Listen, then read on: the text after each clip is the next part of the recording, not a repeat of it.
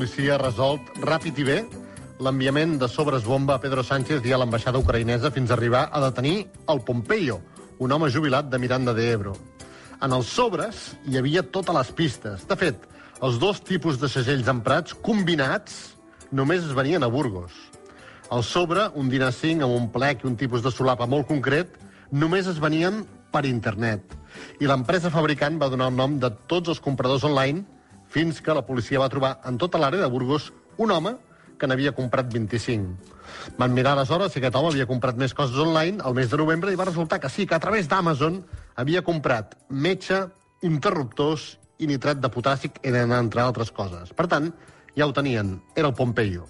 Conclusió, no deixis rastre digital. Compra els sobres a la papereria i els interruptors a la ferreteria. I si fabriques bombes, que siguin de quilòmetre zero. No m'ha agradat llegir tantes crítiques bones per una pel·li nominada als Oscars que es diu La balena i que va d'un home amb obesitat mòrbida que ja en té prou de malviure. Doncs bé, al New York Times, la Roxane Gay, que és una escriptora que sap el pa que s'hi dona amb el sobrepès, en fa una crítica demolidora. Ho titula La balena és una pel·lícula duríssima amb l'obesitat. Diu que està indignada, que el menys preu dels cineastes pel protagonista és constant, que la pel·li manipula, que és patètica i que els directors han volgut demostrar que l'obesitat és el pitjor fracàs humà, una cosa menys preable que cal evitar costi el que costi. Segurament, malgrat tot, aniré a veure la pel·lícula. Aquest cop, però, sense crispetes ni Coca-Cola 3XL.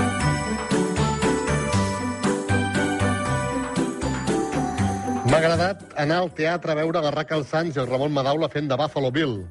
És molt interessant el moment que Buffalo Bill explica que va muntar el seu circ espectacle al centre de Barcelona i que cap altra gran ciutat europea, ni, ni a Londres, ni a París, ni a Roma, no li havien posat tants problemes de permisos i tantes pegues de papers com aquí. Estem parlant, atenció, del 1889. Han passat 130 anys i continuem igual. Som el paradís de la paperassa, de posar pegues, que sempre falti o un paper o un permís per poder fer les coses. Aquí sempre ens treuen les ganes de fer coses per culpa de la burocràcia. No m'ha agradat saber que ja hi ha tants alumnes que presenten els treballs fets per la intel·ligència artificial. Li pots demanar el treball que vulguis, en l'idioma que et convingui, i et tornen un treball de redacció perfecte de la dimensió necessària, sense faltes i gratis. Ara ja no cal copiar els treballs del rincondelvago.com. Amb la intel·ligència artificial, aviat, no caldrà tampoc ni redactors als diaris. Faci'm un text, sisplau, de 800 espais sobre qui és en realitat Cristóbal Martell, l'advocat de Dani Alves. I la intel·ligència artificial et dirà a favor o en contra. I tu tries. I la intel·ligència artificial t'ho fa. Feu la prova. Espanta i tot de veure fins on podem arribar. M'ha l'article que dissabte va publicar el diari Ara l'escriptora Carlota Gurt sobre l'abús, diu ella, que li demanin ser jurat de premis literaris sense pagar-li la feina. O que per les presentacions de llibres l'autor que, entre que hi va, que ho fa i que torna i passa quatre hores, no vegi ni un duro. I sobretot, la cosa ridícula, diu ella, que l'autor de cada llibre només percebi el 10% brut de cada exemplar venut. Aquest és el tema. És a dir, de tota la cadena, editor, distribuïdor i llibreter, qui menys percentatge li queda és el que ha estat un any o dos o vuit escrivint aquella obra que és l'autor.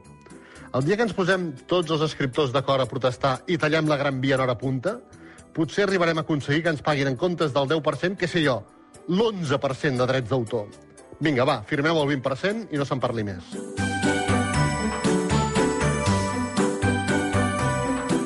I finalment, no m'ha agradat que Mary Kondo, Mary Kondo, eh, ara surti i digui em dono per vençuda, no cal ser tan ordenat. Escolti, vostè m'ha fet plegar els calçotets com mai no els havia plegat. Tinc el calaix dels mitjons que sembla un aparador de Santa Eulàlia. He llançat totes les llibretes de 5è de GB que tant m'estimava. Ordeno les pomes de la nevera per colors. Tinc els recanvis del raspall de dents en fila índia. I ara surt i em diu que n'hem fet un gra massa?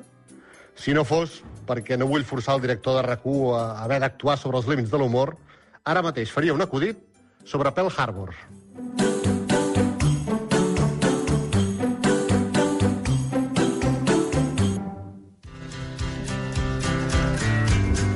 Espero, Xavi, que ens avisis el, dia, el primer dia que els vaticinis estiguin fets amb intel·ligència artificial. Eh? Exacte. Ostres, Perquè això també deu poder-ho fer, no? També ho poder fer. clar, ho- no ho has provat, no? No, però m'heu estava donat una idea brillant. Un dia, un dia sense dir-vos-ho, ho provaré i a l'hora de resoldre ho diré, ep, avui no he estat jo, avui ha estat la intel·ligència artificial. Quina nota vol treure, no? Perquè si és a la carta, doncs, escolta, pots triar la nota i pots triar-ho tot. Jo crec Home, hi ha que... dies que la intel·ligència artificial ho faria millor que jo, però n'hi ha dies que potser jo guanyaria la intel·ligència artificial. Estaria bé, estaria bé. Com a Una mínim. lluita, sí. Exacte, fer la competició. No? Ah, exacte. Sí, sí, a veure, a veure qui li va Diu, més bé. obrim el sobre del vaticinis del Xavi i obrim el sobre de vaticinis de la de intel·ligència la intel·ligència artificial. artificial. Bé, 7 i 10 minuts. Uh, sense intel·ligència artificial, anem pels vaticinis. Ho veus tot com un rellotge, no, avui, Xavi? Sí, sí, no, Mari Kondo veig que ha passat també per Islàndia. ho ha ordenat tot. Mare de Déu. Vaticinis per obrir dimarts 31 de gener del 2023. El sobre és aquest. Vull dir, el, sobre és el que és. El sobre és el que toca. A, El sobre a és dins el no sé què és. hi deu haver, però ja ho veurem. El sobre el va tancar el Xavi dilluns de la setmana passada a un quart de deu de la nit. Som-hi. A veure, comencem pels vaticinis esportius. El primer, Copa del Rei, val un punt. A partit únic contra la Reial Societat, el Barça passa ronda. 1-0, gol i espectacle de Dembélé. El Barça va passar ronda. Tu passes primer punt, un de un. Un de un, segon vaticini, Lliga. El Girona rep el Barça i encaixa, màxim, un gol. És bo aquest, eh? Boníssim. El Girona rep el Barça i encaixa màxim un gol. Girona 0, Barça 1, gol de Pedri. Quin greu que no valgui dos punts. Dos de dos. Boníssim, dos de dos. Tercer vaticini, també val un punt. Eurolliga de bàsquet, el Barça juga a Madrid i perd. Final del partit, Real Madrid 73, Barça 73. A la pròrroga va perdre el Barça. 3 de 3. 3 de 3, escolta'm, nen. La intel·ligència artificial que es retiri. Exacte, exacte. Quart vaticini. Aquest sí que val dos punts. Open d'Austràlia de tennis. En homes, guanya un home que no l'havia guanyat mai. En dones, guanya una dona que no l'havia guanyat mai.